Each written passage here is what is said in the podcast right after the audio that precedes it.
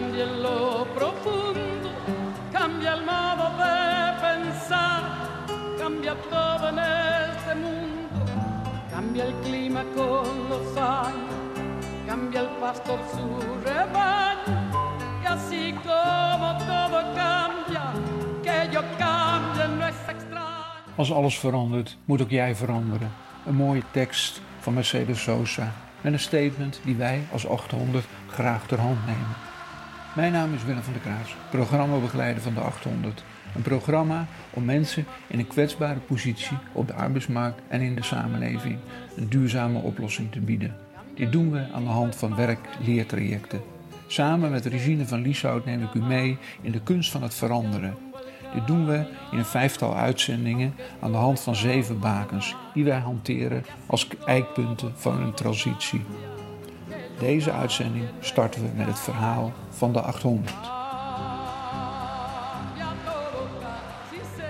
Ik ben uh, Regine van Lieshout, onderwijsdirecteur bij het Summa College. Sinds vijf jaar en initiatiefnemer van uh, de 800, het programma waar we het uh, over gaan hebben vandaag. Programma, de 800 is afgeleid van de doelstelling om mensen in een kwetsbare positie naar de arbeidsmarkt te helpen. Dat deden we en doen we aan de hand van BBL-entreeopleidingen en ook aan de hand van de praktijkverklaring.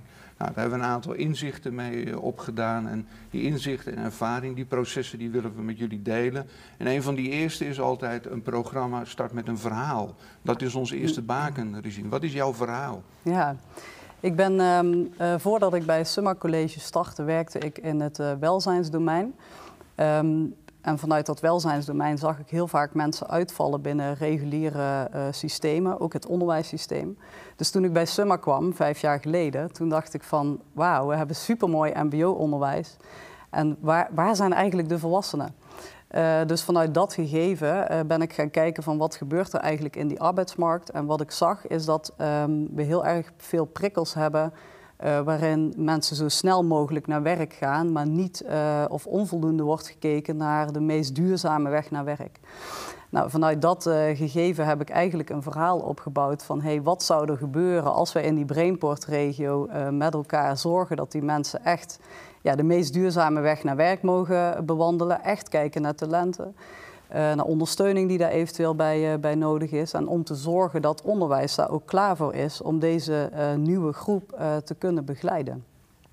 En in dat verhaal, zeg maar, dus um, hebben echt met een, met een heel aantal partijen dat gedeeld. En die zijn eigenlijk samen steeds meer gevormd tot, ja, tot een consortium zoals wij dat vandaag kennen. Mm, dus het is heel belangrijk om een gemeenschappelijk verhaal te hebben. Ja, ja en vooral ook omdat uh, het verhaal waar, waarmee je start is natuurlijk ook wat, wat, je, ja, wat bindt. Uh, dus het bindt onderwijs, maar het bindt ook zeg maar, de mensen die werken met, uh, vanuit de arbeidsmarkt of de werkgevers aanpakken bij gemeenten en dergelijke.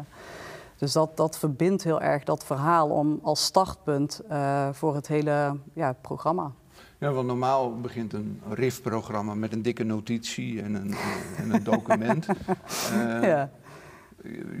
Waarom dit verhaal en niet met een notitie gestart? Ja, nou ja, om, omdat ik A zelf helemaal niet geloof in, uh, uh, in alleen notities schrijven. Dus ik denk als je een notitie schrijft of een aanvraag schrijft, dan heb je dat zelf wellicht in een, in, hè, in een week klaar achter je bureau. Maar wat ik heel erg belangrijk vond, is om met uh, al die partijen om die samen te brengen en om te kijken van wat, wat verbindt ons nou, wat is de gemene deler. Uh, en, en, op die manier eigenlijk je verhaal opbouwen, maar ook meteen je aanvraag schrijven. Dus dat hebben we eigenlijk samen met al die uh, consortiumpartners gedaan. Ja, dus het is een proces van samenwerking met een verhaal, maar tegelijkertijd ook dat opschrijven in de vorm van de aanvraag die ja. je ingediend ja. hebt. Ja. Ja. ja. ja. En het bakend vraagstuk, waarom is dat zo belangrijk? Ja, ik denk als je uh, naar een vraagstuk kijkt, hè, een vraagstuk is vaak complex uh, en dat kun je nooit alleen als, als organisatie, dus een, hè, de, de mensen goed begeleiden naar werk, uh, dat kun je nooit alleen als onderwijs, maar dat kun je ook nooit alleen als gemeente of als UWV of als sociaal werkbedrijf. En wat een vraagstuk doet, is eigenlijk de verbinding creëren tussen al die partijen. En dat overstijgt heel erg de taakgerichtheid van elke organisatie op zich. Van, van welke school ben jij dan? Ben jij van de taakgestuurde verandering of ben je van de vraagstukgestuurde verandering? Ja, ik, ik, ja, volgens mij hoor je het al uh, in mijn verhaal. Maar wat heel erg belangrijk is, is uh, het vraagstuk echt centraal stellen.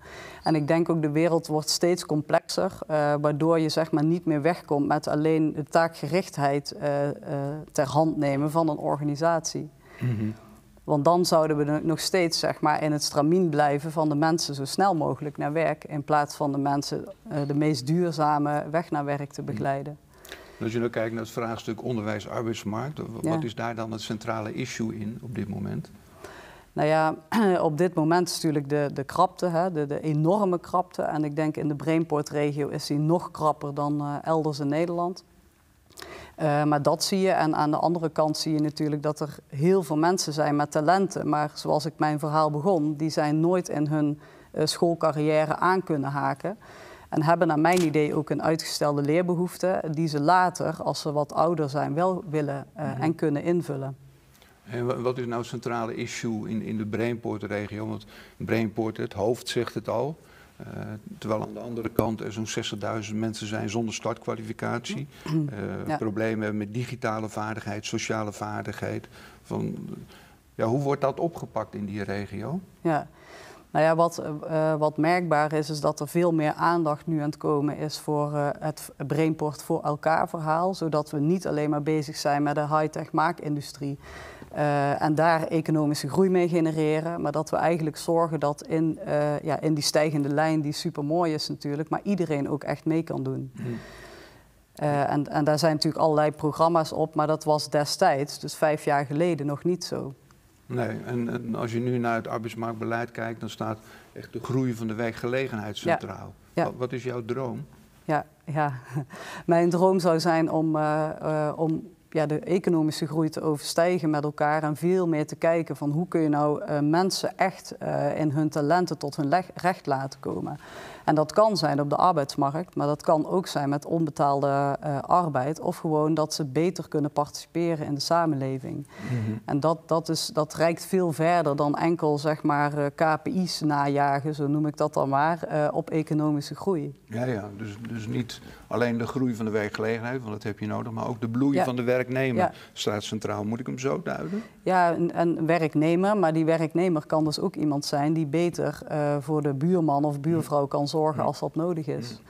Dus dat reikt echt verder dan, uh, dan enkel participeren in de arbeidsmarkt. Ja, en hoe komt het dat dat nog niet op de agenda staat?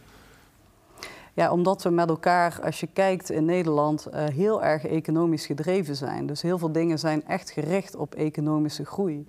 Waardoor je eigenlijk ziet dat de tweedeling in, in de maatschappij ook veel, uh, veel groter wordt. En allerlei signalen zijn er natuurlijk bijvoorbeeld rondom de positionering van, van het MBO hè, en, en, het imago van het MBO. Daar wordt heel veel aandacht voor gevraagd en dat is niet voor niks. Mm -hmm. Wat voor rol kan zo'n MBO daarin spelen? De 800 is een opmaat geweest naar. Uh, je bent ook programmaleider ja. van LLO. Hoe, ja. Hoe, ja, welke rol moet een MBO spelen uh, daarin? Ja, ik denk dat uh, als ik kijk naar de rol van het MBO binnen leven lang ontwikkelen. Um, wat dan heel erg belangrijk is, is dat het systeem van onderwijs stopt eigenlijk uh, bij het behalen van je diploma. Hè, dus je initiële loopbaan is heel erg gericht op de start van een loopbaan van mensen. Uh, en ook de bekostiging in Nederland is daarop gericht. Hè. Dus meer dan 99% van het budget van OCW gaat naar, uh, naar jongeren. Uh, wat natuurlijk heel erg belangrijk is. Maar als je kijkt naar um, ja, dat we steeds ouder worden, als je kijkt naar dat steeds meer mensen willen blijven uh, leren, ook uh, na hun pensioen, en ook blijven werken, dan is het heel vreemd dat ons stelsel gericht is zeg maar, op um, ja, de start van een loopbaan en niet op de doorontwikkeling mm. daarvan. En ik zie dat de rol van het MBO daarin is om te zorgen dat, hè, waar ik mijn verhaal ook mee begon, dat het prachtige MBO-onderwijs wat we hebben, veel meer gericht en toegankelijk kan worden uh, voor uh, alle mensen in Nederland. Dus mm. ook mensen die zeggen op 45 van hé, hey, maar ik wil graag ja, me omscholen zeg maar, naar de techniek of juist naar de zorg of naar de IT. Zeg je ermee dat we eigenlijk in Nederland een infrastructuur missen aan de onderkant van de arbeidsmarkt voor mensen in een kwetsbare positie? Ja, ja dat nog meer. Ja. Hm. Dus enerzijds heb je zeg maar gewoon, als je überhaupt kijkt naar het stelsel in Nederland, dan moet daar echt denk ik iets in gebeuren. Mm -hmm. Maar anderzijds, uh, ja, de markt werkt niet voor iedereen. En Uh, dat zie je dus ook bij de groep waar de 800 voor staat. Dat is ook de reden waarom wij destijds natuurlijk gestart zijn. Om te zorgen dat we toegankelijk uh, onderwijs op maat kunnen creëren. Zodat zij gewoon mee kunnen doen. Ja. En dan gaf je al aan, hè, dat doe je niet in je eentje. Nee. Samenwerken doe je altijd ja, met meerdere samen, partijen. Ja. En, en, dan heb je het Baken, een netwerkorganisatie. Kan je ons meenemen hoe de netwerkorganisatie opgebouwd is? Hè, vanuit de 800 en hoe je dat wil continueren? Ja, ja, we hebben dat uh, opgebouwd langs de lijnen van het vraagstuk. Hè, dus daar begon ik straks ook mee. Uh, en daarin heel erg gekeken van welke partij heeft welke rol en kan wat bijdragen aan dat vraagstuk. Dus niet uh, zozeer gekeken van nou, we hebben allerlei taken, maar heel erg van hey, wat kan een gemeente bijdragen aan? Of wat kan een werkgever bijdragen aan? Of juist een private taalaanbieder bijdragen aan. Um, en op die manier hebben we eigenlijk een consortium uh, gestart. Hè. Dus dat, dat, starten we wat kleiner met, een, met een, eigenlijk een smal, maar wel diep draagvlak bij een aantal partijen. En in de afgelopen jaren hebben we continu um, uh, dat netwerk ook meer uitgebreid met nieuwe partners. -hmm. en, hoe bereid je dat dan uit? Want je hebt Summa en we hebben het label van de 800. Uh, welke gedachte zit daarachter, achter dat label van de 800? Waarom niet gewoon vanuit Summa zo'n RIF-programma starten? Ja, omdat ik denk dat Summa is als onderwijsinstituut uh, maar één van de partijen die een deel van de oplossing kan bieden. En daarom is het ook uh, overstijgt zeg maar, het vraagstuk altijd de taak van je eigen organisatie. Aha, dus je, je moet een brede pakken ja. in, in de samenwerking ja. daarin. Ja, ja. En, en wat, ja, misschien nog één ding, ja. wat, wat, wel een belangrijk geleerde les is. Um, is dat eigenlijk uh, daar waar je samenwerkt op een vraagstuk, ga je je ook op een domein met elkaar begeven dat je niet kent. Dus uh, het ontwikkelen van een gezamenlijke taal is daarin uh, echt wel heel belangrijk geweest. Maar ook elkaars terreinen leren begrijpen. Dus uh, zeg maar een inkomensconsulent van een gemeente begreep heel weinig van het mbo-onderwijs en andersom. Dus we hebben echt met elkaar ook geïnvesteerd om die twee werelden dichter bij elkaar te brengen. Want wat begreep jij vanuit het mbo niet vanuit, in het arbeidsmarktbeleid? Wat was voor jou nieuw dat je zei van nee, dat heb ik nooit geweten? Ja, dat vind ik een lastige, heb ik nooit geweten. Maar wat mij wel verbaasde, um, is, dat, uh, is dat natuurlijk mensen die zich houden aan een taak heel erg gaan kijken van, oh, we hadden bijvoorbeeld een, uh, iemand die wilde starten en die had werkschoenen nodig. Uh, maar die werkschoenen waren 140 um, euro volgens mij. En toen ging die persoon die zat in de bijstand, die ging naar de bijzondere bijstand. Maar die bijzondere bijstand zei, ja, die meneer krijgt dat niet, want die gaat een leerwerktraject volgen bij Summa, dus dat valt buiten de scope. En wat gebeurt er dan is als je het vraagstuk centraal stelt, dan gaat het erover dat we die persoon met al die partijen faciliteren om te zorgen dat hij kan starten. En het mag in Nederland toch niet zo zijn dat iemand geen 140 euro heeft om te starten aan een opleiding en daarmee relevant te zijn en te, te blijven zeg maar, voor de samenleving en arbeidsmarkt. Ja, ja, dus aan de hand van het vraagstuk gaan partijen vanuit taakorganisatie ook domeinoverschrijdend denken en handelen. Ja, is, is dat ja, de winst? Dat is eigenlijk wat, uh, uh, de winst die we pakken en wat je mm. ziet. Mm. En omdat dat dan goed werkt en omdat je gezamenlijk successen uh, boekt, merk je gewoon dat je en meer, meer volgers krijgt. Hè, zo noemen ze tegenwoordig meer volgers. Uh, en meer partijen die mee willen doen. Dus inmiddels hebben we echt wel een, uh, tikken we wel een kleine 200 bedrijven aan. En ik denk zo'n 30 uh, publieke partijen die meedoen in onze regio. Ja. Nou, in die regio en in de omstandigheden veranderen ook voortdurend dingen. Daar komen we ja. straks even op terug. Ja, en ja. de impact van verandering als, als baken. Dus ik hoor jou zeggen, heel belangrijk is een goed verhaal te hebben het vraagstuk ja. te duiden. Eigenlijk ja. van buiten naar binnen kijken, denken, handelen. Wie levert wat daarin? Daar een netwerkorganisatie in uh, omheen bouwen. En dan, wat, wat voor proces ligt daar aan ten grondslag? Ja, misschien is het leuk om dat, om dat even om te draaien. Hè? Want um, wij werken natuurlijk nauw samen. Mm -hmm. um, en en zou, zou jij eens iets kunnen vertellen over hoe, hoe je dat proces hebt beet ja. uh, gepakt? Ja, ja. ik, ik deel hem altijd in in een viertal fasen. En de eerste fase is eigenlijk al, nou, dan weet je het ook niet. Het is onduidelijk. Uh, dat noem ik altijd de fase van het duiden, het doorgronden van in wat voor wereld zit het. Wat is het verhaal ook uh, daarin? En dat is meer het scheppen van ordening. En soms weet je dingen ook niet helemaal zeker. Dus dan maak ik gewoon een statement, kijk hoe partijen erop reageren. Denk, oké, zo is het, dit wordt geaccepteerd. Dit is het verhaal waar we voor staan met elkaar. Dus, dat is, de eerste fase in dat proces is heel essentieel. de tweede fase is dan is het echt leiderschap. Dan moet je mensen wel partijen wel comfort bieden. Dus, dus op de zeepkist, je bouwt met elkaar wel een structuur van werkgroepen, projectgroepen, stuurgroepen daarin. En uh, ja, dicht ook mensen rollen toe uh, daarin. Uh, heel belangrijk is ook de stijl van leiderschap. dat je niet een top-down, maar echt bottom-up. In het begin hadden we in Eindhoven de situatie dat als mensen er niet uitkwamen, zeiden: Dan ga ik het escaleren bij mijn manager. Waarop ik zei: Ja, dat wil ik niet meer horen. Ik wil horen welke waarde jullie kunnen creëren om dat op te lossen. Dus dat is al in die, die fase van het richting geven. Het tweede, de derde fase is echt met je poot in de modder staan, meedoen, kunnen schakelen. Uh, van strategie, organisatie, uitvoering en terug. En wat in de regel zijn dat vaak gescheiden werelden. Dus het is heel belangrijk dat je dat integraal doet. En de vierde fase is eigenlijk het loslaten daarin. Ik geef je vleugels, maar je moet zelf vliegen. Dus die vier fasen van duiden, richting geven, mhm. met je poot in de modder en loslaten is van belang. En dan heb je te maken met externe omstandigheden die veranderen, hè, zoals corona in de tijd. Ja, dan moet je weer even terug naar fase 1.